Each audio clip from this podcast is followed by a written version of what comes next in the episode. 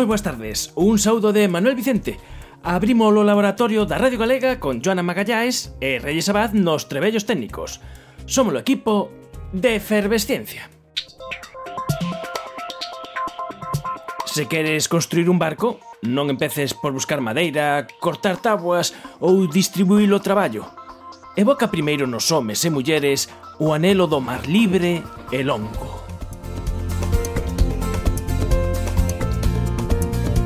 Isto é de Antoine de Saint-Exupéry.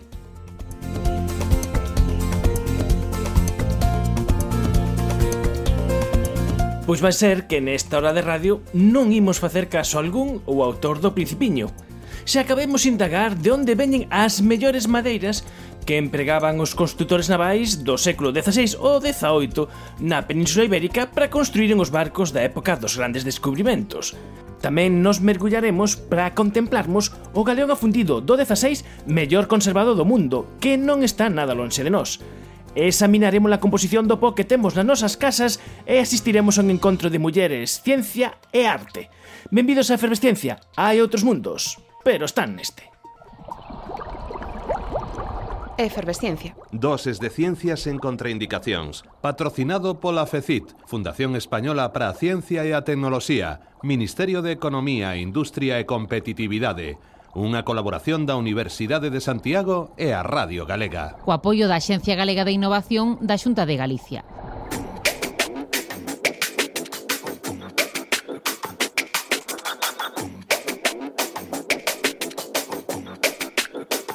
Esta semana coñeceuse a resolución definitiva das axudas pro fomento da cultura científica, tecnolóxica e innovadora da FECIT, a Fundación Española para a Ciencia e Tecnoloxía do Ministerio de Ciencia, Innovación e Universidades. Un ano máis este programa fomos destinatarios destas axudas, grazas ás cales podemos estar nas ondas da Radio Galega. Pero tamén compre explicar e comentar que esta convocatoria de axudas consigue que nazan novos proxectos de divulgación, Fran Núñez, de Limiar Teatro. Moi boas tardes. Hola, boas tardes. Os de Limiar Teatro é a primeira vez que vos presentastes a esta convocatoria de axudas de fomento da cultura científica e tivestes éxito total.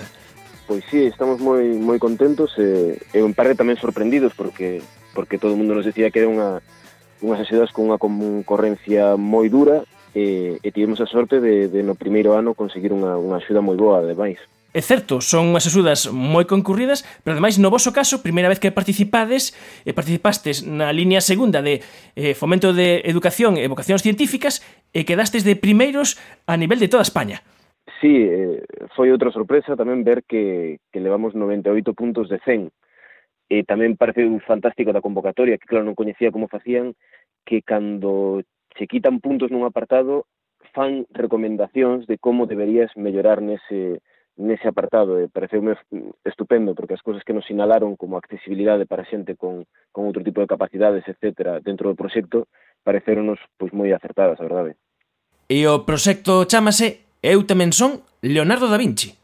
Sí, é un, é un xogo partindo de que este ano e o que ven van a ser o ano da Vinci porque se comemora o, o, o aniversario, digamos, da morte no, no ano 19 e a partir de aí xogar coa figura de Da Vinci para dar un pouco a rapazada a idea de que calqueira de nós podería ter algo de Da Vinci, que non é tan extraordinario e que é botarse un pouco para diante o camiño. E sen afán de destripar en absoluto, eu, polo que sei, eh, estou visualizando na miña mente desde que me contaches non deixa de sair da miña mente esa entrevista de traballo de Leonardo, como sería? Claro, que cando empezamos a ver documentación atopamos a, a carta, que despois hai sitios onde din que é de Leonardo, outros que din que foi un me, o Medici, que lle fixe unha carta de recomendación, pero é como un currículum de Leonardo no que vai dicindo, e vostede que fai? Eh, fai ponte, bueno, moi ben, e fai máquinas de matar, de matar moito, ui, moi ben, moi ben, isto me interesa, e ta, entón vai poñendo cousas e ao final pon, bueno, eh, pois data, eh, tamén pinto, ah, pinta vostede, moi ben, entón eh, é fantástico ver que na postdata do currículum de, de Leonardo aparece de que tamén pinta. E, e supoño que o vosso fin é enganchar cos rapaces, que vexan que calquera deles, nalgún momento das súas vidas, pode converterse nun Leonardo nas cousas do éxito e tamén nas cousas do fracaso. Claro, porque porque o que falaba con alguna xente ben acertada eh, me dicían que a veces facer as cousas traballar era a base da investigación e a base ao final de todo traballar, pero que pode non saírche unha cousa como non lle saiu moitas veces a Leonardo, como non eh, como de inicio, por exemplo, non nos seleccionaron a él para determinados traballos e seleccionaron a outros, e iso non quere decir que non tivera valía. É unha cousa que queremos meter, sin destripar o, o espectáculo, pero unha das bases sobre as que queríamos traballar é sobre a idea de que ser idiota, ou ser, eh, ser parvo é algo que non podes que non, que non o vas a saber ti nunca hasta o final da tua vida. Todo mundo te pode dicir, no, ti, ti, ti eres parvo, eso non ten sentido, eso eres parvo, pero podes palmar sin saber realmente se realmente ti tiñas razón e os parvos eran os demais. Uh -huh. Entón é algo que ti tes que seguir eh, tirando un pouco para para adiante e motivar os rapaces a eso, de que non fai falta ter un expediente brillante a veces para despois ser un, un investigador, simplemente que a ti che guste, que teñas esa curiosidade, esas ganas, e, e tires. Eh, falabas do traballo, a necesidade de traballar. E vos vos tirades eh, manta e furgoneta eh, pretendedes percorrer unha a unha cada unha das 50 provincias españolas. Sí, máis ou menos van ser a final da xira sobre 200 bolos en todas as provincias, incluído, xa eso foi como extra, Ceuta e Melilla, que, que é a oportunidade que polo menos eu vou ter na vida seguramente de actuar en Ceuta e Melilla. E apetece, a verdad, facer este proxecto para, por do que decías ti antes, os rapaces, como motivalos o futuro, vamos a falarlle de Da Vinci, falarlle de científicos e científicas actuais, de, de Ada Byron, de, de toda esta xente, pero claro, é que todo o que haxa por descubrir está nas súas mans, xa non está nas nosas. Nos xa estamos de, xa estamos saindo do sistema e eles están entrando e son os que van os que van descubrir todo isto que preguntaremos no espectáculo, pero ti que crees que se vai descubrir nos próximos 20 anos? O teletransporte? Bueno, pois, filliña, está na tua man. E supoño que o espectáculo logo cando final rematedes por terras galegas, o espectáculo mellor non vai ter moito que ver ou vai cambiar desde o espectáculo inicial. Sí, moitísimo, porque a idea tamén é establecer un diálogo cos eh, co alumnado, tanto durante como despois do espectáculo e ir incorporando eh, as cousas que a xente que a xente che vai contando. Eh, e iso está sendo un proceso moi bonito de creación no sentido de que a xente que se toma un café contigo e che fala sobre divulgación ou, ou sobre as súas eh, ideas pedradas, eh, contaba o pai dun, dun compañeiro que, falando de ciencia, de progreso, etc., dicía, no, home, pero que ti, hai un, ti un lago, empezas a lanzar pedras e van acumulando, e só de repente empezan a aparecer todas as pedras encima, pero non é que esas pedras esas máis listas que as outras e floten, e que debaixo hai moitas pedras que quedaron sumergidas. E coa ciencia e co progreso pasa un pouco o mesmo, ti podes estar traballando moitísimo e na túa xeración non vas a ver, digamos, un gran avance e non quere decir que non que a cousa non vai indo e que non sexa moi moi importante o que ti estás facendo para o para para chegar a lograr, pois imagina, unha vacina ou o que ou o que sexa. Que pareceu moi bonita esa cousa de que eu vou aprendendo moitísimo a medida que vamos falando coa xente e o espectáculo pois ao final non terán nada que ver, espero, sería bo sinal, co de Castro Urdiano. Os de Limiar Teatro, que collen a manta, a furgoneta, e vanse de xira con Leonardo da Vinci por toda España nun espectáculo pensado para a rapazada para dar que pensar sobre un pouco as súas vidas e a capacidade que podemos ter todos de facernos preguntas e de ser curiosos. Bella, moitas gracias, Manuel. Come Da Vinci, Leonardo, Da Vinci, Leonardo, Da Vinci, Leonardo, no, come Davi, Leonardo, come Davi, Leonardo, come Da Vinci, Leonardo, Da Vinci, Leonardo, Da Vinci, Leonardo.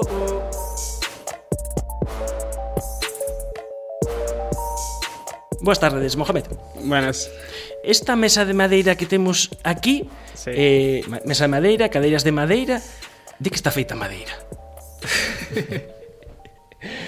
Bueno, buena pregunta. Cal é a composición química da madeira? Bueno, la composición química de madera básicamente es un compuesto leñosa, como se llama. Entonces, leñosa en teoría viene de ligninas. Uh -huh. Entonces, es como un conjunto de lignina y compuestos polisacáridos. Ti an- fas análisis químicos destas madeiras. facemos análise desta madeira, se pode facer agora. Sí. Pero se esta madeira ten 400 anos, eleva sí. 400 anos na auga, uh -huh. eh, cambia conto, non? Cambia moito.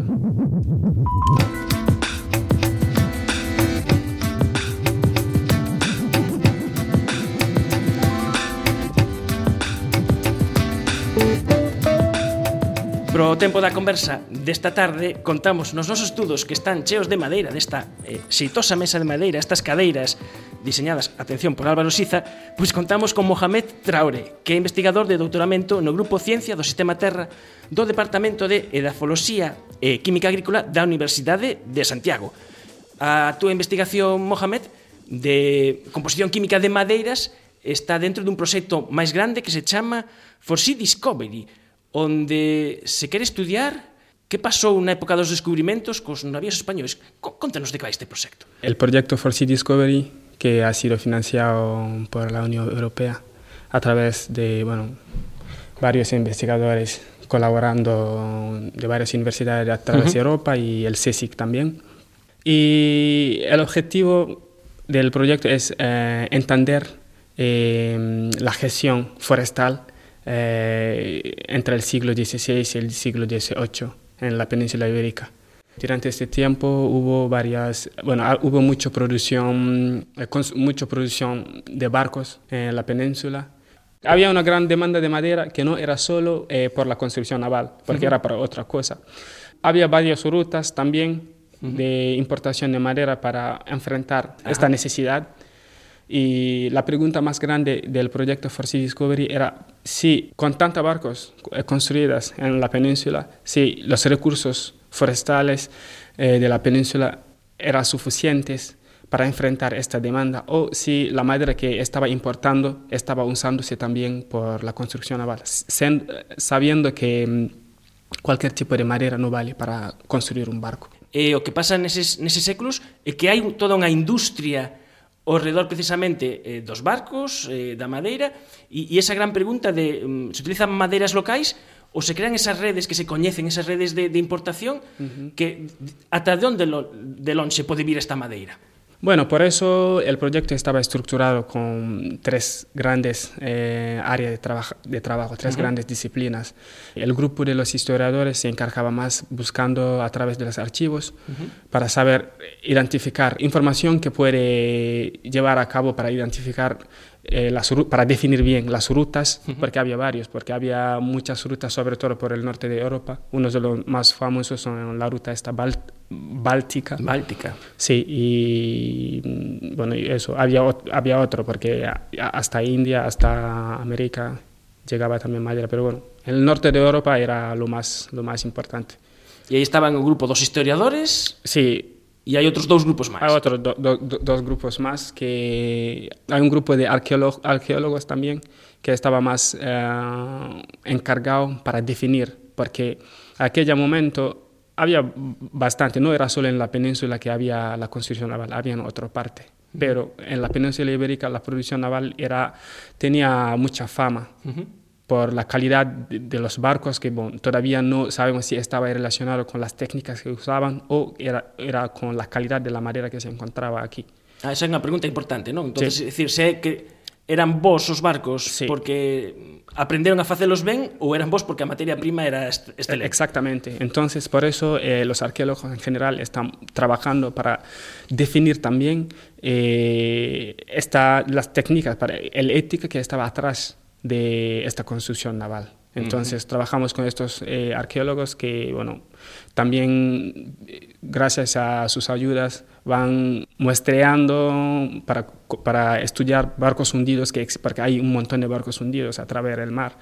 Entonces, ellos van para identificar exactamente cuáles son los barcos que se acercan más de los que tendremos que centrar nuestra investigación. Están os arqueólogos submarinos e logo vos eh, a, a parte científica que vos encargades de facer os análisis de onde veñen. E precisamente, uh -huh. eh, falando dos arqueólogos marinos, temos outro lado do teléfono a un deles, Miguel San Clodio. Moi boas tardes. Hola, boas tardes.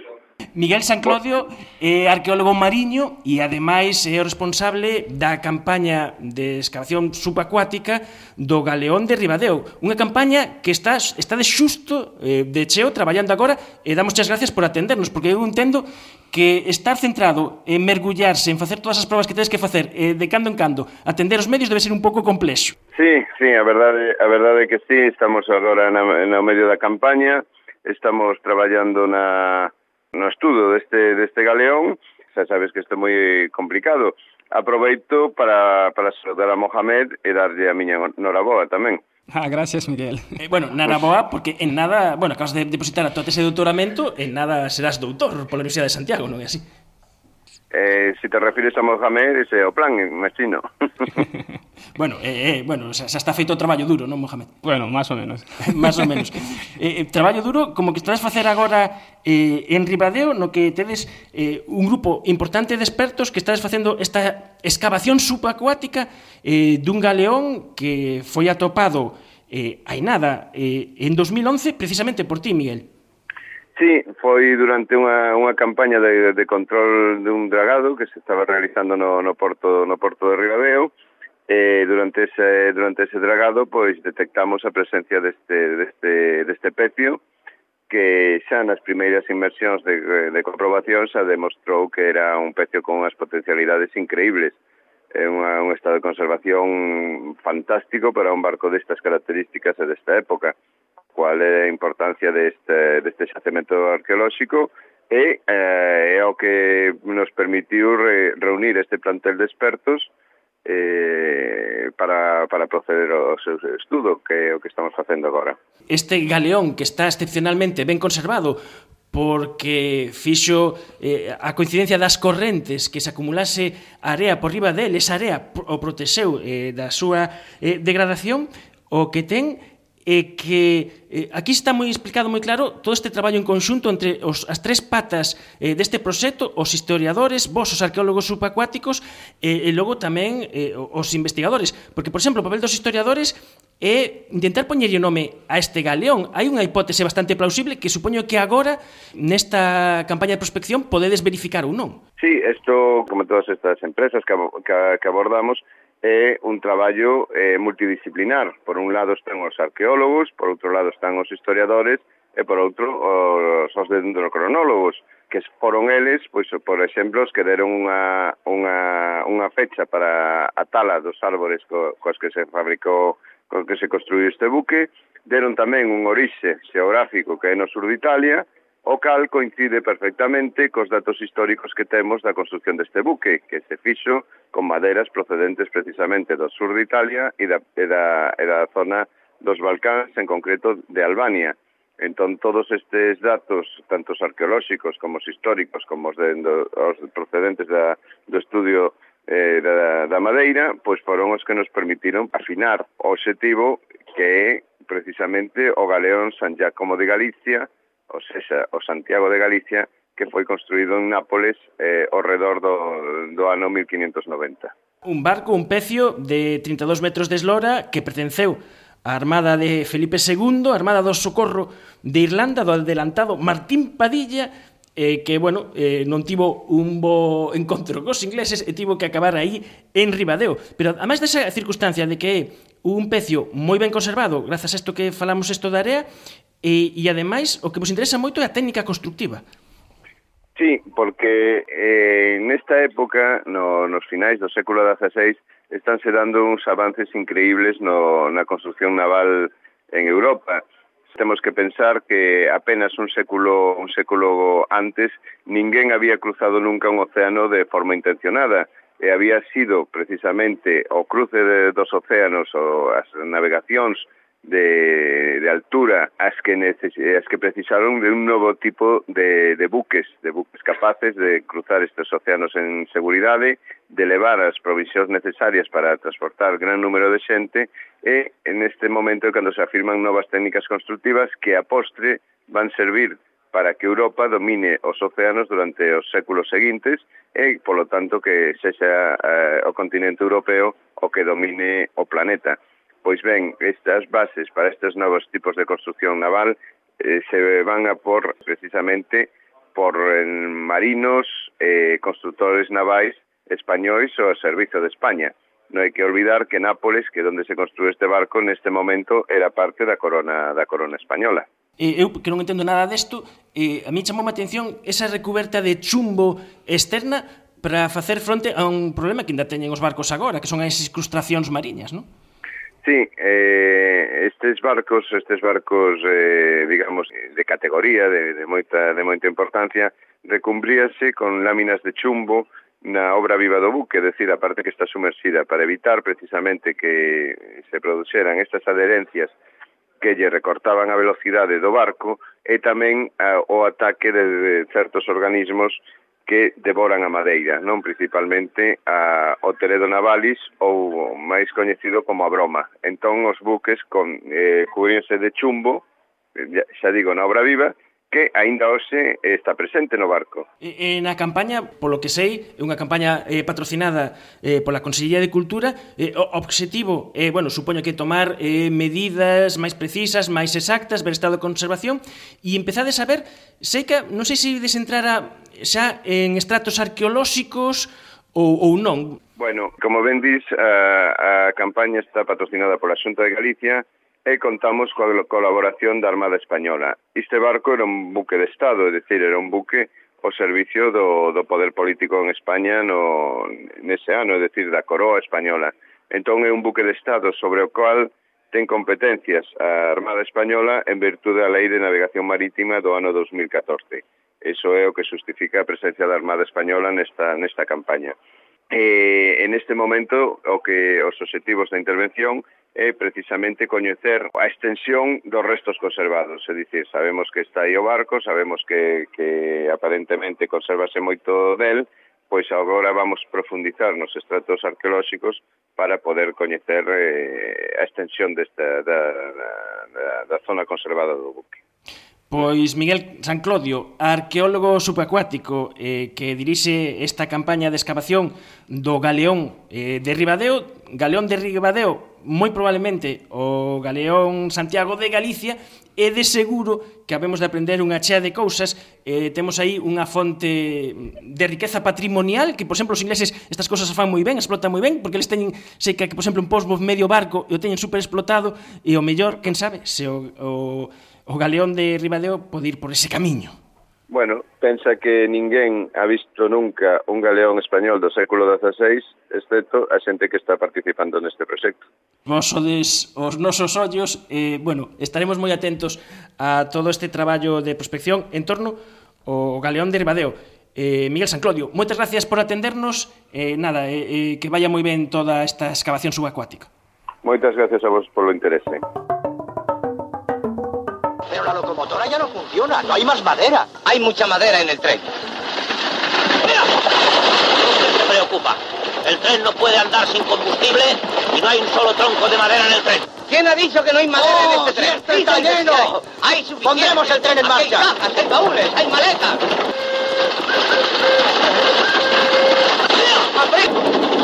¡Es la guerra! ¡Traed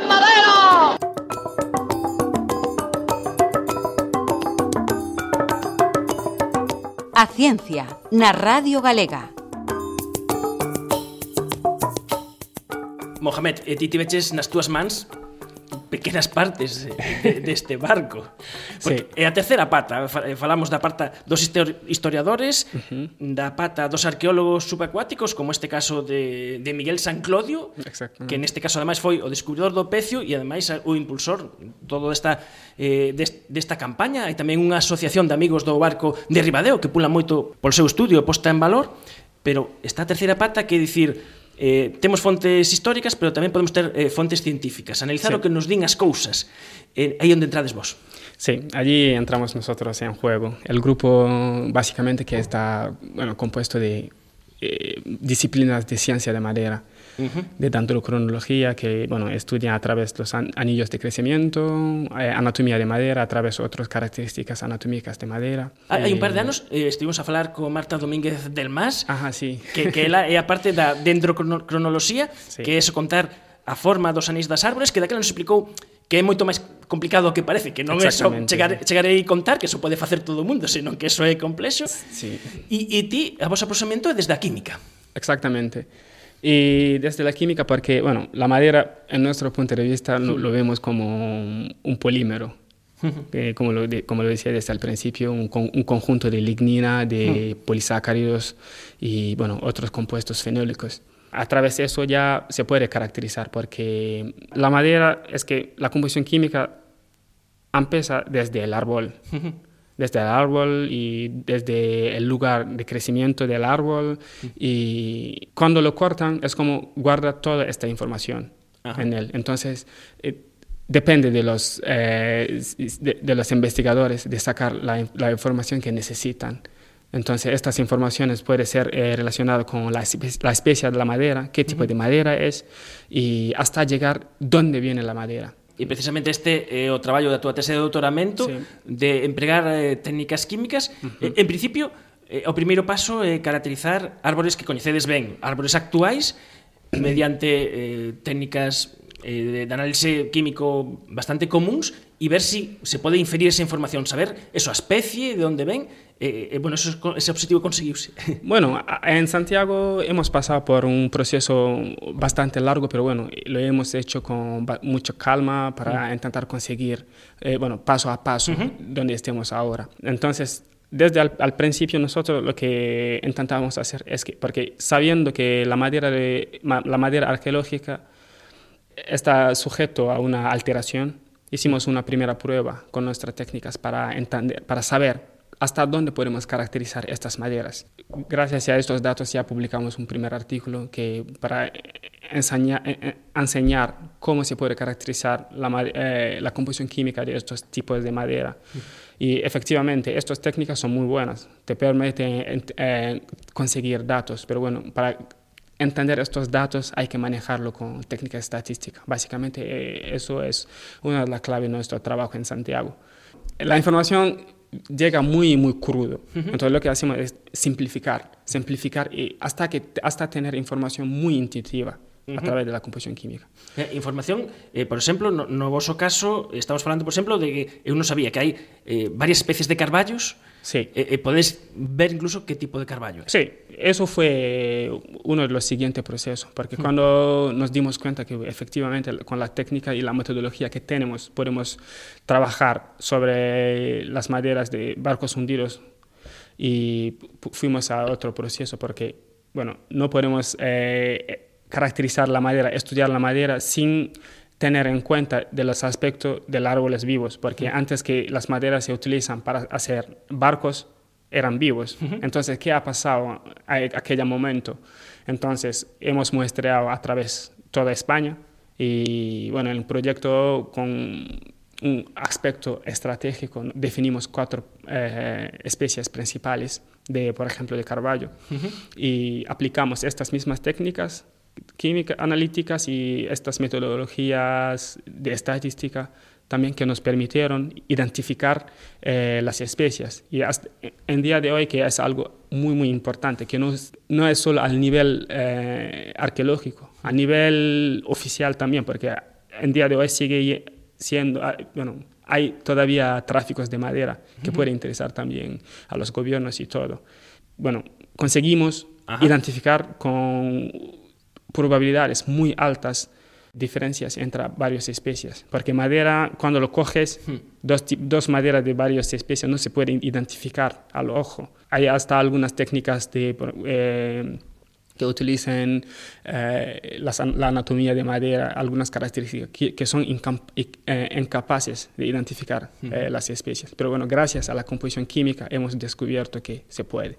E, e agora está o seguinte paso, eh, ver que pasa cando a madeira é unha madeira arqueolóxica e ver como evoluciona, ¿no? como supoño que esos parámetros químicos que vos vedes para decir esta especie, esta outra especie, ou vende aquí, vende acolá, uh -huh. como eso se varía eh, co factor tempo, eh, bacterias, auga, etc. Ese sí. é a, o seguinte objetivo. Bueno, sí, es un estudio que hicimos también que era, formaba parte también de la, de la caracterización, de la caracterización química del, del, de la madera arqueológica.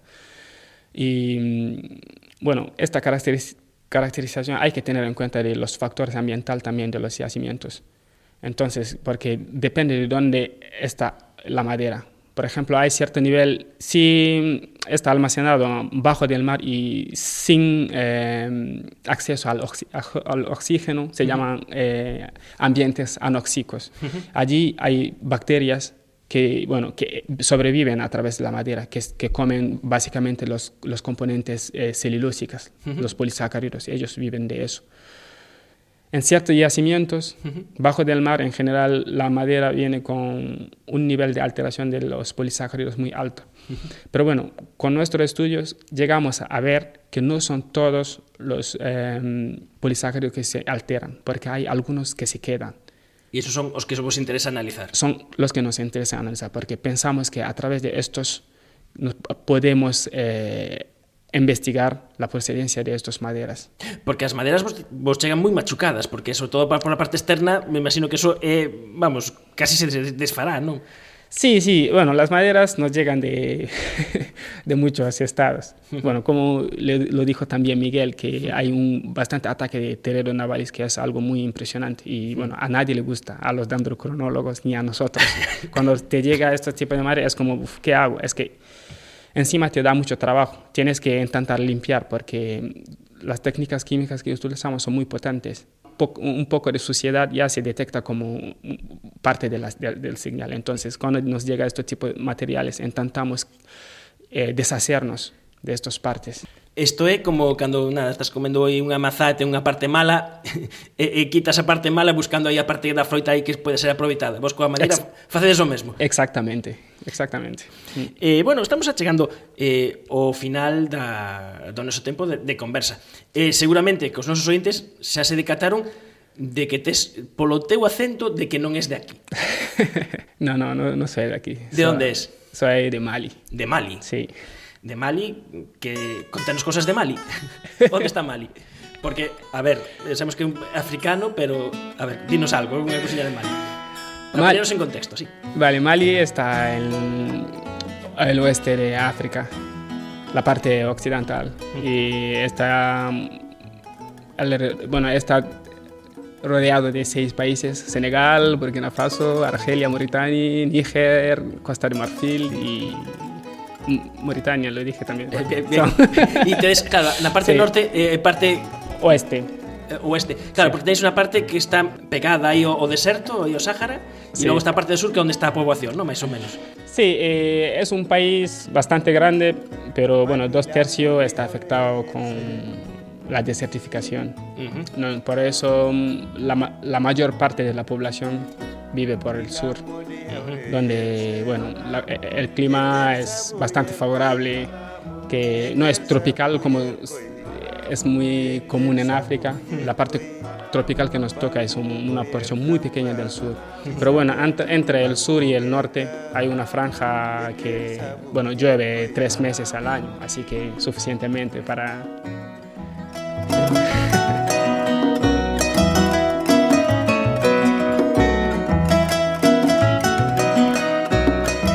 E agora ven a gran pregunta. En Mali non hai barcos. No. Tampouco hai pecios. No. eh, bueno, Madeira, o mellor algo, aí, aí é sabana. Como acabaches estudiando mm, pecios, eh, a madeira dos pecios aquí en Santiago de Compostela? Bueno, es casualidad de la vida y el amor al este trabajo que es la investigación que me gusta mucho. Y bueno, antes de llegar aquí estaba haciendo mi máster en Francia, Ciencia del Suelo y Geoquímica Ambiental. Uh -huh. Entonces, al final del máster estaba buscando, bueno, a ver, eh, proyectos de investigación con los que puedo incorporarme. Bueno, y había uno en Santiago que era este que me interesaba mucho y me incorporé. Y, bueno, en Mali no hay barcos hundidos y... No. Pero bueno, es un aspecto muy interesante porque aquí aprendí bastante de la investigación. Por ejemplo, la estadística uh -huh. que se puede aplicar en cualquier cosa y la geoquímica ambiental también que Ajá. supongo que acabaré investigando en eso. Porque eh, vas ler en nada a todo ese doutoramento e eh, os teus planes futuros pasan por volver aí a Mamaco. Sí. A universidade. A la universidad, sí. Eso es lo... Ese es mi deseo. Volver allí y trabajar como profesor, enseñar a gente y investigar.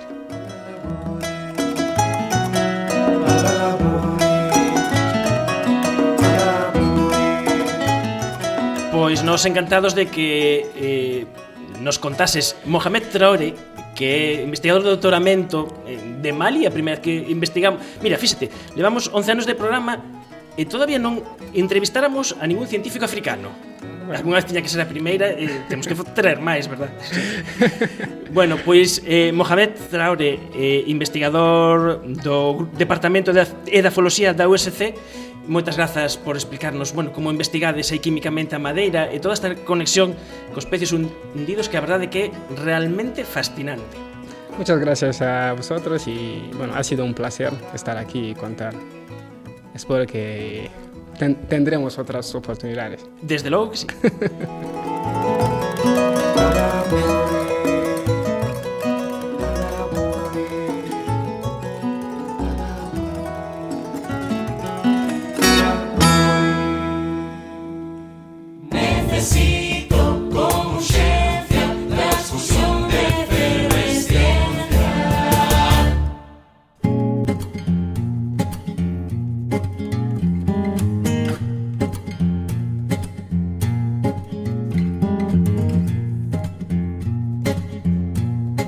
Joana Magallaes é eh, a nosa especialista en muller e ciencia. Moi boas tardes, Joana. Olá, Manuel, boas tardes. Sei que andas polo, pola túa terra, polo Portugal, que andas no Femitin 2018. Exatamente. Uh, eh, estou agora mesmo em Évora, ontem de ter passado em, uh, em Lisboa, onde está uh, a acontecer a primeira edição do, do Fan Meeting, uma curadoria da Marta de Menezes, Eh, aquí a Dalila Honorato. Marta de Meneses, moi boas tardes. Boas tardes, boas tardes. Marta de Meneses é artista, unha artista especializada en facer obras nas que se misturan a, a arte e a ciencia, en concreto a bioloxía, e, e ti és, bueno, a responsable deste FEMITIN 2018. Que é este FEMITIN?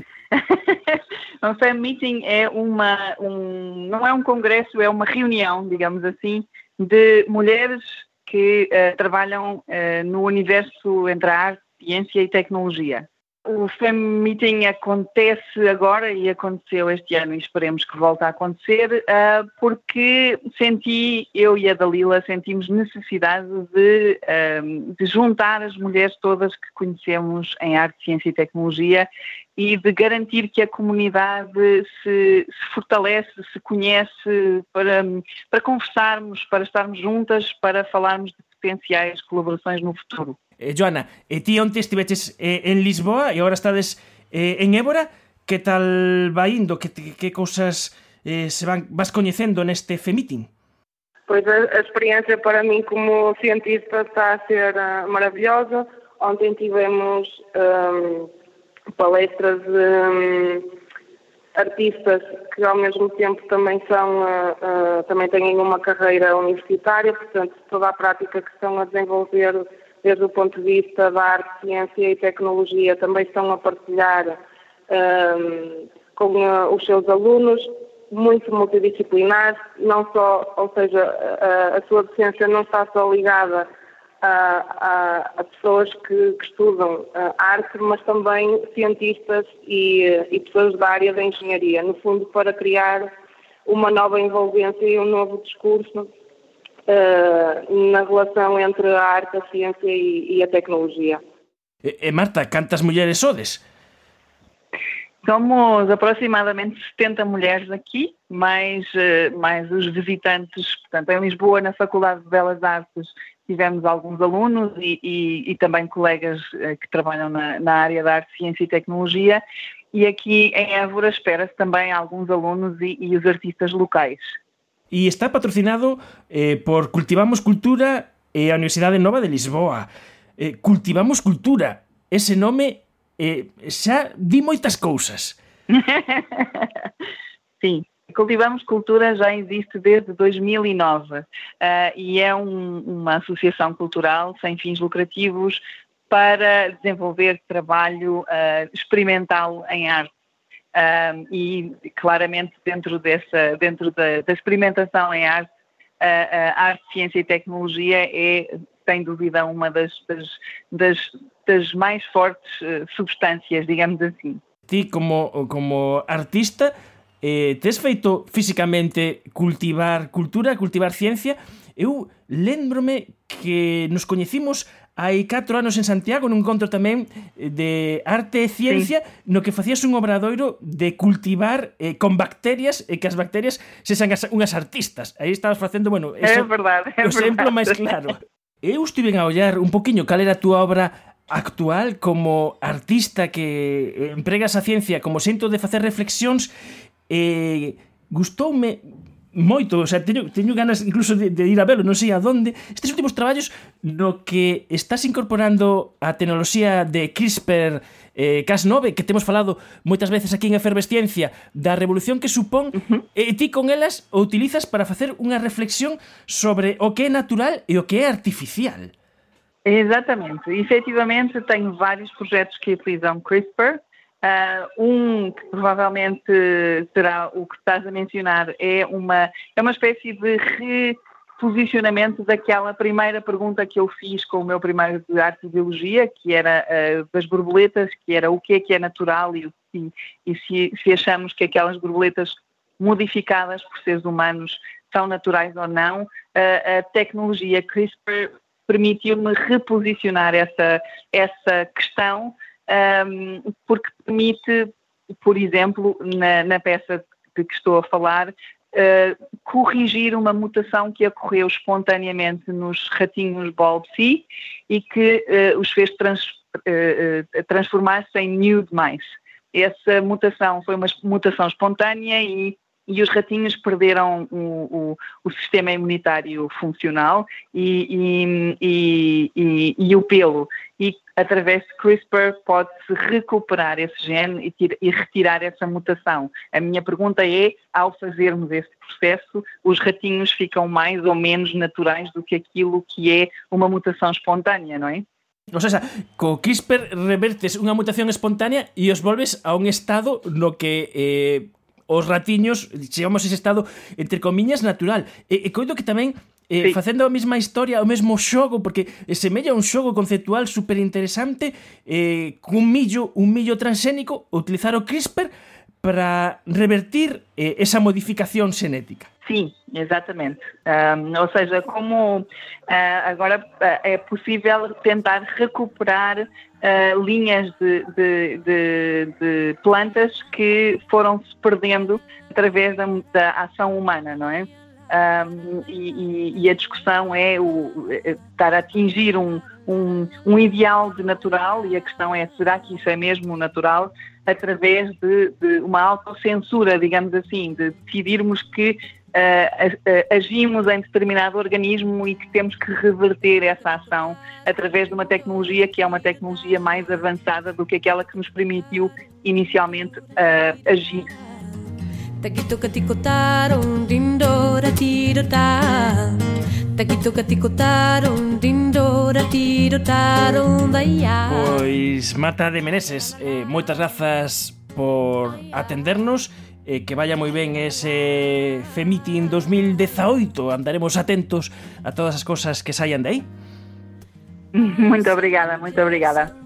Eh, eh, Joana Magallaes a nosa responsable da nosa sección de Muller e Ciencia que cada vez que vai algún evento eh, sobre este tema nos pon sobre a pista e que nesta ocasión tivemos como correspondente desde Évora, Portugal. Moitas grazas, Joana, por descubrirnos todo este mundo tan interesante de muller, ciencia e arte. Obrigada, Manuel. E espero que também uh eh, esta, esta pequena secção seja um, uma semente para também trazer, porque não, à, à, à cidade da Corunha, através do, do Monte da dos museus científicos da Corunha, podemos conseguir trazer um, a Marta Menezes para nos contar em pessoa todo este, todo este mundo. Eh, eu voto que sí, se o meu voto vale de algo, eu voto que sí, que, que traíamos a Marta de Meneses, eh, neste caso, para onde está Joana, para Coruña, para contarnos todas as cousas que facedes. Moitas gracias as dúas. Moito obrigada. Obrigada.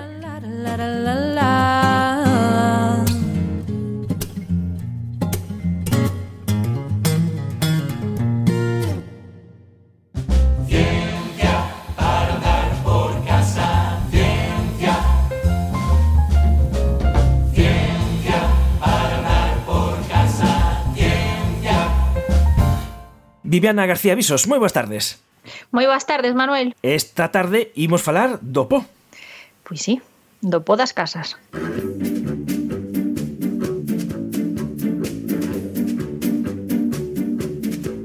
do po das casas, porque oito de cada dez galegos somos alérxicos aos ácaros do po. E, por desgraza, eu estou nesa listaxe.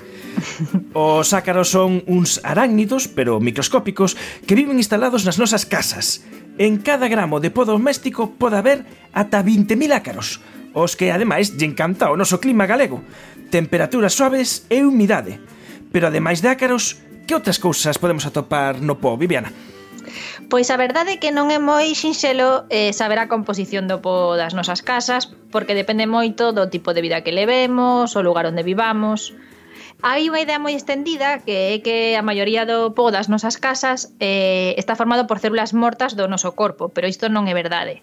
Hai células por toda a nosa casa, seguro, pero a pel morta que perdemos máis ou menos ao largo dun ano enchería un paquete de fariña, máis ou menos. Ou seja, que eso, esa idea que hai unha alta porcentaxe de po das nosas casas que, que pel, non, eso non. Si, sí, eu xa pensaba que eso non, moi certo non debía de ser porque nunha casa na que non vive ninguén tamén se acumula po Entón digo, de onde virá ese po se só son as células? Entonces a min non me cadraba eh, moito. Eh, cando falamos de po estamos a referirmonos a partículas sólidas que son ben pequerrechas, unhas 10 micras. Unha micra é unha milésima parte do milímetro. E para comparar, eh, un pelo ten 70 micras de diámetro. O sea, algo moi pequerrecho, pero Ainda que sexa complicada saber a composición exacta do po que pode haber en cada casa, de onde saen, de onde diaños saen eh, eh, as partículas que hai no po? Pois as fontes máis habituais pois son ser area, eh, fariña das, das cociñas, refugallos dos insectos e suciedade en xeral que entra polas nosas xanelas. Suciedade que ven entón das partículas que están en suspensión no aire.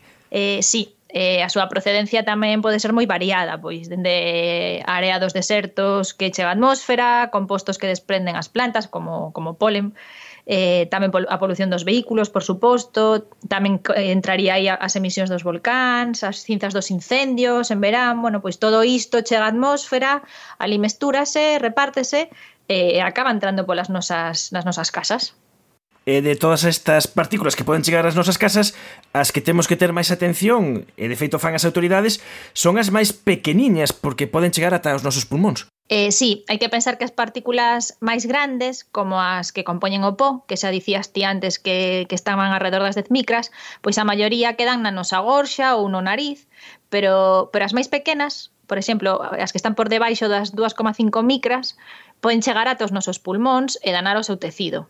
E aínda as hai máis pequenas, que serían as máis perigosas de todas, que inferiores a 0,1 micras, moi moi moi pequerrechiñas, que poden chegar a pasar máis aló do alveolo pulmonar e, e eso, e ir no sangue, non? A calquera parte do noso corpo.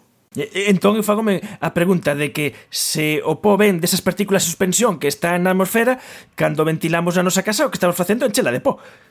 Pois, hombre, un pouquiño seguro que sí, pero a ver, eh, a ventilación tamén é moi importante porque eh, a nosa actividade dentro das casas tamén xenera certa contaminación que vou eliminar, como por exemplo o CO2 que o CO2 que exhalamos ao respirar. Entón, eh, hai que ventilar. Eh, o mellor é facelo polas mañáns, se posible, porque cando a contaminación exterior é menor. Entón, aí, bueno, pois meteríamos menos suciedade. E os que somos alésicos ao po, eh, temos unha loita cotiá contra estas partículas que mellorou moito con varios desenvolvementos tecnolóxicos, por exemplo, as aspiradoras, que agora son máis efectivas a hora de eliminar os ácaros. Pois sí, a verdade é que, bueno, a tecnoloxía das aspiradoras mellorou, mellorou moito nos últimos tempos. O primeiro que temos que pensar é que o que produce a alerxia dos ácaros son as súas feces, en realidade. Eh, estas son moi difíciles de, de aspirar porque son moi, moi diminutas. E normalmente, ademais, están atrapadas entre as fibras de tecidos e sacalas de aí non é nada sinxelo.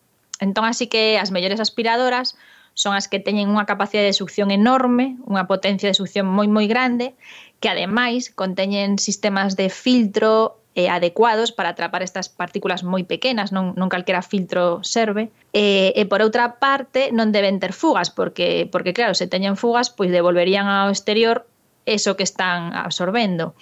E, e bueno, e por último, que eso penso que sea, así que as teñen máis calquera aspiradora esos accesorios para poder chegar a esos lugares recónditos onde os ácaros viven. Ou seja, que hai que eh, pros alérxicos hai que facer un máster para comprar unha aspiradora. Ollo, eh, eh, acabo de aprender unha cousa.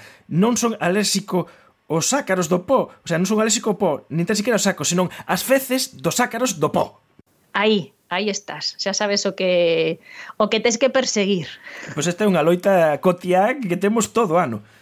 Sí, porque mm, porque é unha alerxia de todo ano, porque non é como como pole, ¿no? que aparece en primavera e a xente que é alérxica a pole, pois pois se produce a alérxica un pouco máis por temporadas. Eh, cos ácaros convivimos sempre, todo ano. Hai ácaros nas nosas casas todo o tempo. Eh, solamente ao mellor en inverno baixa, poden baixar un pouquiño porque o frío non lles gusta, entón, bueno, mm. pode ser que as, as poboaciones de ácaros en inverno, se ven un inverno así frío, poden baixar un pouquiño, pero pero senón, alérxicos para sempre. Alérxicos perennes. Aí, aí falaches. Que non sei se sabías, Viviana, que con isto de, de pasar o pano para limpiar o é son moito dunha filosofía que de contan dunha historia dun, dun cuartel onde ninguén nunca pasaba o po. Pero unha vez eh, foi un general a facer unha revisión eh, eh, tiñan todo bastante os papeles eh, tiñan todas as cousas bastante ben, ben feitas pero quería collelos nun renuncio entonces veu que nunha lámpara había un poquinho de pó e eh, preguntou o, o general este e logo aquí quen é o que pasa o pó? E lle contestaron o primeiro que o ve. está ben, está ben. Bueno, eu sonche desta desta filosofía na casa. Ti non pode, ti non podes ser moito deso porque, bueno, porque che molesta tamén, non? Non podes, non no, podes. bueno, o problema, o problema fundamental que temos é eh, sobre todo as alfombras, as alfombras que onde acaban todos todos os pós e todas as partículas si sí que dan bastante guerra, pero mm, unha cousa importante é quitalas da casa ou polo menos é eh, o que fago eu na miña e así a cousa vai moito mellor. Que saibas tamén, así agora que me lembro, que hai aspiradoras para os colchóns. Por certo, aspiradoras especiais para os ácaros dos colchóns. Por se, mira, se vais ao teu cumpre ou algo, pois ao mellor lle podes pedir unha aspiradora para o colchón. Aquí acabas de deixarme totalmente descolocado. Eh, eu tiña outras ideas para agasallo de aniversario, pero bueno, a saúde tamén importa. Viviana García Visos, a nosa científica máis caseira, moitas grazas por darnos esta masterclass sobre a alerxia ás feces dos ácaros do po. Nada, moitas gracias a ti, Manuel.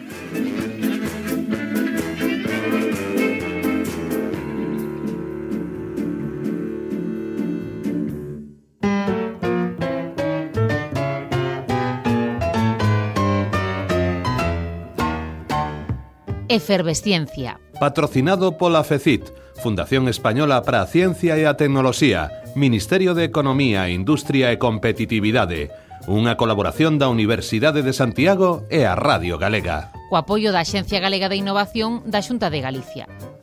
E antes de marchar, imos facer o sorteo do concurso que lanzamos a semana pasada. Recibimos 29 suxestións de libros de divulgación científica no noso Twitter, Polo que compré agora é escoller o show un número do 1 ao 29. Número que vai dicir unha voz anónima que nos acompaña no estudio. 15. O 15.